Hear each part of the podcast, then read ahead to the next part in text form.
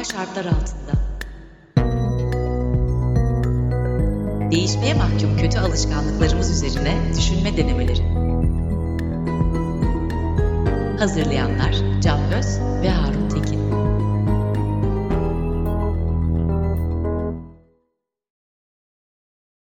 Merhaba, Anormal Şartlar Altında ikinci sezon ikinci bölüme hoş geldiniz. Bu bölümün konusu anlamak ya da olmamak. Bütün mesele. Evet, bütün mesele bu. Burada idrak etmeyi, anlamayı, anlamamayı, bunun etkilerini konuşacağız. Bunları yaparken tabii ki kendimizi de katacağız. Burada bahsettiğimiz anlamak ve anlamamak süreci toplumsal bir meseledir. Bireysel olarak ele almıyoruz. Burada ben sözü sana bırakayım Harun. Bu anlamakla ilgili konuda bir araştırma görmüştüm ve bu çok da popüler oldu galiba. İşte toplumumuzun yüzde şu kadarı okuduğunu anlamıyor diye. Hı hı. Böyle bir anlamamak da mutlaka var ama beni daha çok çarpan anlamamak bu konuda merakını ve hevesini kaybetmiş olanların anlamaması. Hı hı. Yani hayatta işte bir şey okuyup dinleyip izleyip bununla ilgili yorum yapabilecek, bunu en iyi konu anlayabilecek hatta anlatabilecek olan insanların anlamla ve anlamakla ilgili ilişkilerini kaybetmeleri de bir o kadar önemli bir sorun. Sende var mı böyle bir şey? Zaman zaman bende de oluyor, hepimizde de oluyor. Bende de Çünkü oluyor. biz sürekli olağanüstü hal içerisinde ve sürekli kriz içinde yaşadığımız için bizim hayatımızda biz ilk bölümde bahsettiğimiz bizi kastediyorum biz derken hı. kocaman bir bizi yani. Hı. İşlevler anlamlardan daha önemli hale geliyor. Yani bir şey oluyorsa ne işe yarıyor kardeşim? Bu biraz Maslow piramidinde aşağı inmek diye de düşünebilir. Öyle belki. de okuyabiliriz ama bu kendini besleyen bir döngü oluyor. Çünkü biz mesela hızla işte sadece fonksiyona bakarak vesaire davrandığımız zaman anlam meselesini gerçekten ıskalayan bir topluma dönüşüyoruz ve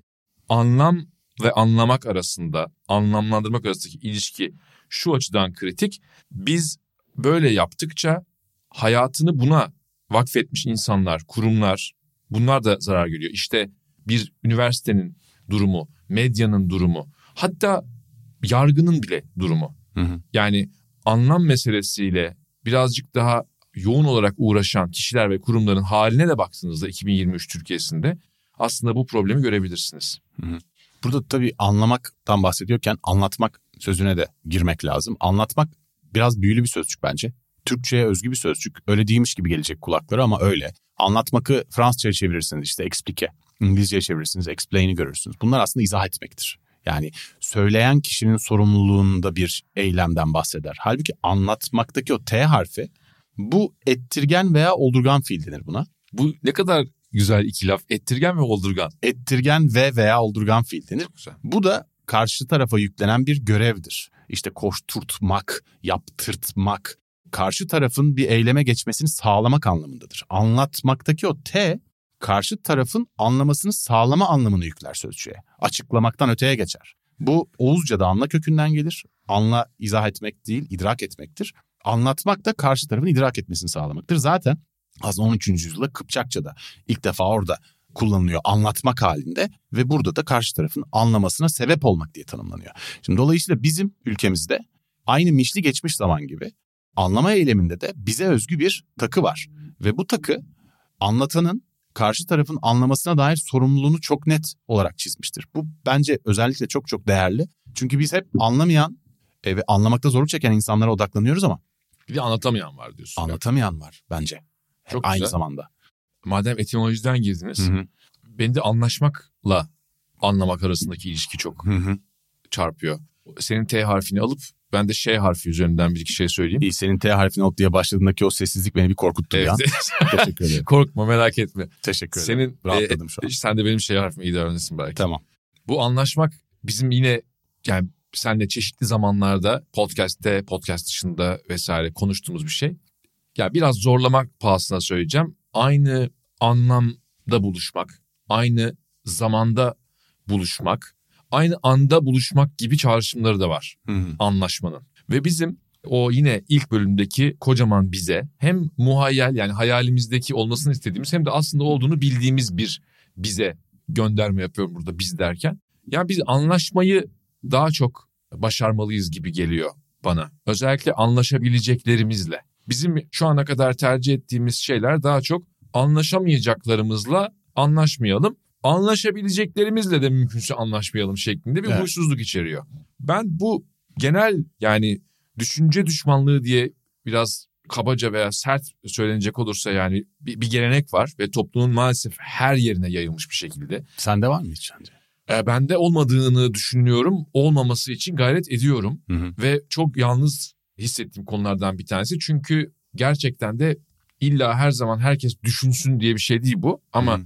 duygulara, reflekslere, sezgilere, geleneklere düşünceden daha çok önem veriliyor burada. Abi, bireylerin düşüncelerinin bir kolektif içinde artık kavgası edilen bir algı cephesinin parçası olarak konumlanıyor olmasından ötürü aslında her düşüncenin dile gelmesi mevcut bir savaşta gerçek anlamda bir silah haline de geliyor ister istemez.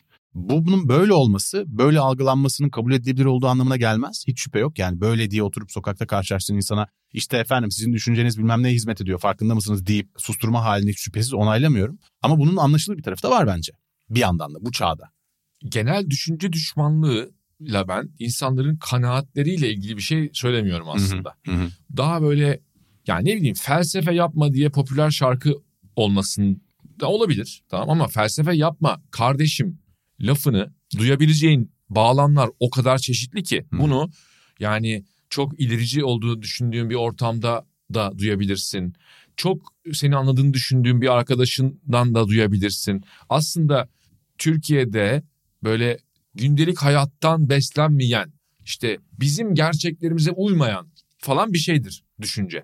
Ve düşünce üzerine düşünceden daha bahsetmiyorum bile. Hı hı. Dolayısıyla bu anlamak, anlaşmak, anlatmak bunların hepsinde eğer bir anlam şeyi varsa biz bu anlamları genel olarak çok düşünmemekten yana gelmişiz gibi görünüyor. Bunu değiştirmeyi öneriyorum aslında ben. Evet bu dediklerine katılmamak mümkün değil. Burada tabii yine anlatmak üzerinden bir söz var. Çok benim en sevdiğim sözlerden bir tanesi. Retorikle, anlatmakla ilgili benim en sevdiğim sözdür. Fransızcadır bunun aslı. Ben kendimce kötü Türkçe'ye çevirmeye çalışacağım. Ama Fransızca aslında da söyleyelim. Nicolas Boileau'nun sözü. Ce qui se conçoit bien clairement. Tam Türkçesi olmayabilir ama aşağı yukarı çevirisi şöyle. Bir konuyu ancak iyi tahayyül eden onu doğru dile getirebilir diyor. Yani siz eğer bahsettiğiniz konuyu anlamıyorsanız bu zaten e, laf kalabalığına dönüşebilir. Anlatamıyorsanız tam da iyi bilmiyorsunuz. Yet- e, tam olarak aslında anlatmak istediği bu evet. Ya burada bir şey, minik bir muhalefet şerhim var. Lütfen. Mesela öğretmenlerin bir kısmı anlatmayı aslında işin kendisini bildiğinden daha iyi bilirler. Hı hı. Çok iyi bilenlerin de bir kısmının anlatamadığına şahit olmuşumdur. Ama bu uzmanlık gerektiren durumlarda. Bilmekten bahsetmiyor ama tahayyül etmekten Ha, bahsediyor zaten. o işte çok güzel. Az önce o zaman süper. Az önce konuştuğumuz düşünce üzerine düşünmek burada devreye giriyor. Hı hı hı. O konuyu bilmekten öte bir şey söylüyorsun. O konu üzerine düşünmekten. Hı. Yani eğer yeterince düşünmediysen iyi anlatamazsın. İyi anlatamıyorsan da tam olarak yaptığın şeyin farkında değilsindir. Yani Evet. iyi şarkı söyleyip iyi bir şan hocası olmamak gibi. Tabii. Aslında tam ne yaptığının farkında olmamak demeyelim ben böyleyim bu arada mesela. Ben iyi bir şarkıcı mıyım bilmiyorum ama şarkı söylemeyi öğretemeyeceğimden eminim. Örneği kendimden vererek senden de birkaç puan almış oldum. Umuyorum. Kesinlikle. Çünkü bana düşünce sen de yalnız mısın?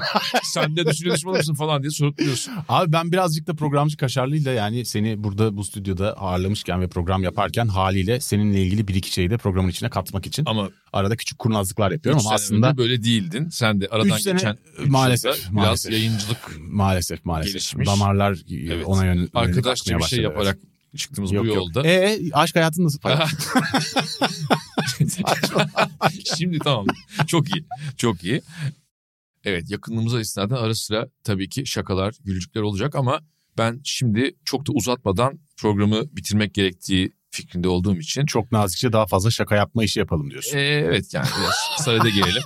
sayıda gelelim. Şey, Bu Buyurun. anlayamama, anlaşamama ya da anlatamama işte oraya hangi harfi koyarsak koyalım Hı hı. olayında yine az önce daha doğrusu ilk bölümde de konuştuğumuz biz meselesine bağlanan bir yer var. Bizim mahalleler, kabileler üzerinden yaşayıp gerçek bir toplum olamamamız, gerçek bir kamusallığı çok özlememiz ya da kuramamış olmamız. Bu sebeple de aslında neredeyse bir inat halinde yaşıyoruz ve bu anlaşılamayacak olanla anlaşmamaya eyvallah tabii ki anlaşmayacağız. Ama arada anlaşabileceğimiz şeylerde de anlaşamama alışkanlığına dönüşüyor bu. Hı.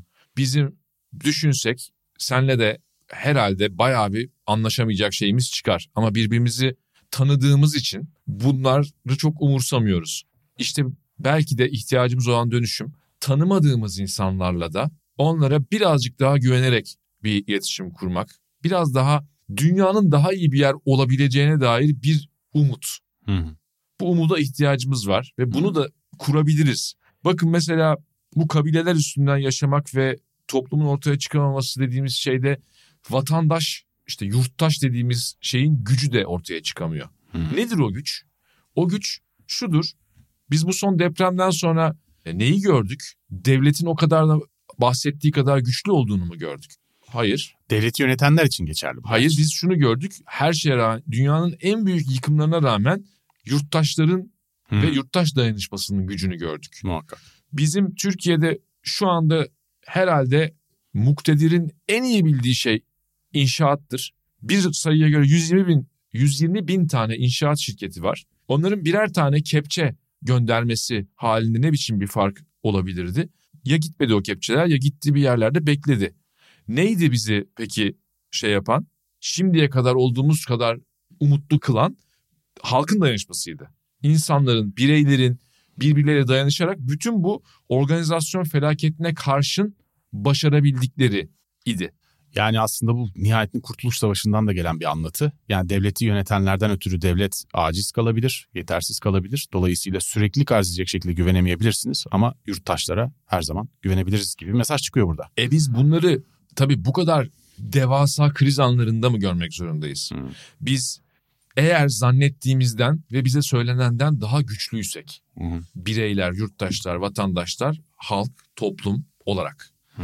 o zaman okumaktan, araştırmaktan, dinlemekten de kaçmazsak eğer birlikte çok daha fazlasını yapabiliriz. Evet çok güçlü olduğumuzu gördük değil mi? E, tabii bu kadar ki bastırmaya çalışan, engellemeye çalışan, sabote etmeye çalışan yöneticiler varken buna rağmen ve buna karşın ne kadar güçlü olabildiğimizi gördük. Ne kadar büyük etki yaratabildiğimizi gördük. Bu çok değerli tabii.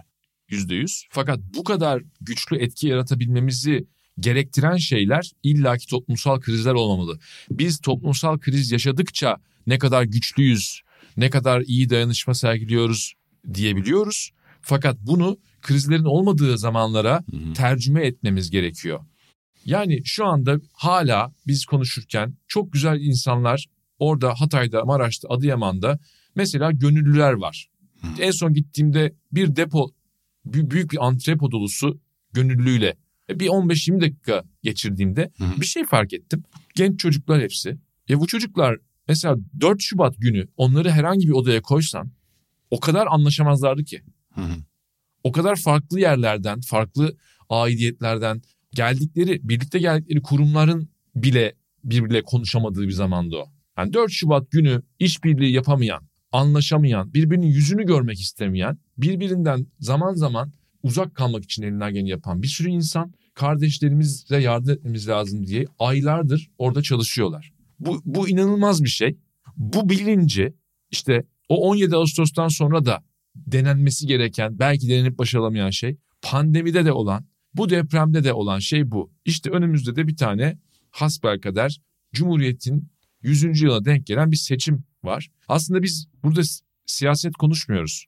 Sadece siyaset konuşmuyoruz yani. Madem durum bu kadar zor, o zaman başka türlüsünü düşünmeye kendimizden, etrafımızdan, konuşabildiğimiz her yerden başlayalım diyoruz. Bence çok güçlü bir anlatı bu. Yani Cumhuriyet'in ikinci yüzyılına girerken ve ilk bölümde anlattığımız gibi Türkiye'nin birçok açıdan aslında yeniden inşası söz konusuyken ve birçok şeyin değişmesi mümkünken biz felaketlerde yapabildiğimiz gibi burada bir felaket beklemeden bu sefer felaketten kurtarmak için değil geleceği inşa etmek için bir arada davranmayı öğrenip birbirimizi anlamayı becerirsek kim bilir ne kadar müthiş şeyler yaparız diye bir mesaj çıkıyor. Doğru mu anladım? Evet. Öyleyse anormal şartlar altında ikinci sezon ikinci bölüm anlamak ya da olmamak bu bölümün sonuna geldik. Evet, anlamak, anlaşmak, anlatmak üzerine daha fazla konuşmak üzere. Anlayana Gerçekten mükemmel bir final. Buluşmak üzere. görüşmek üzere.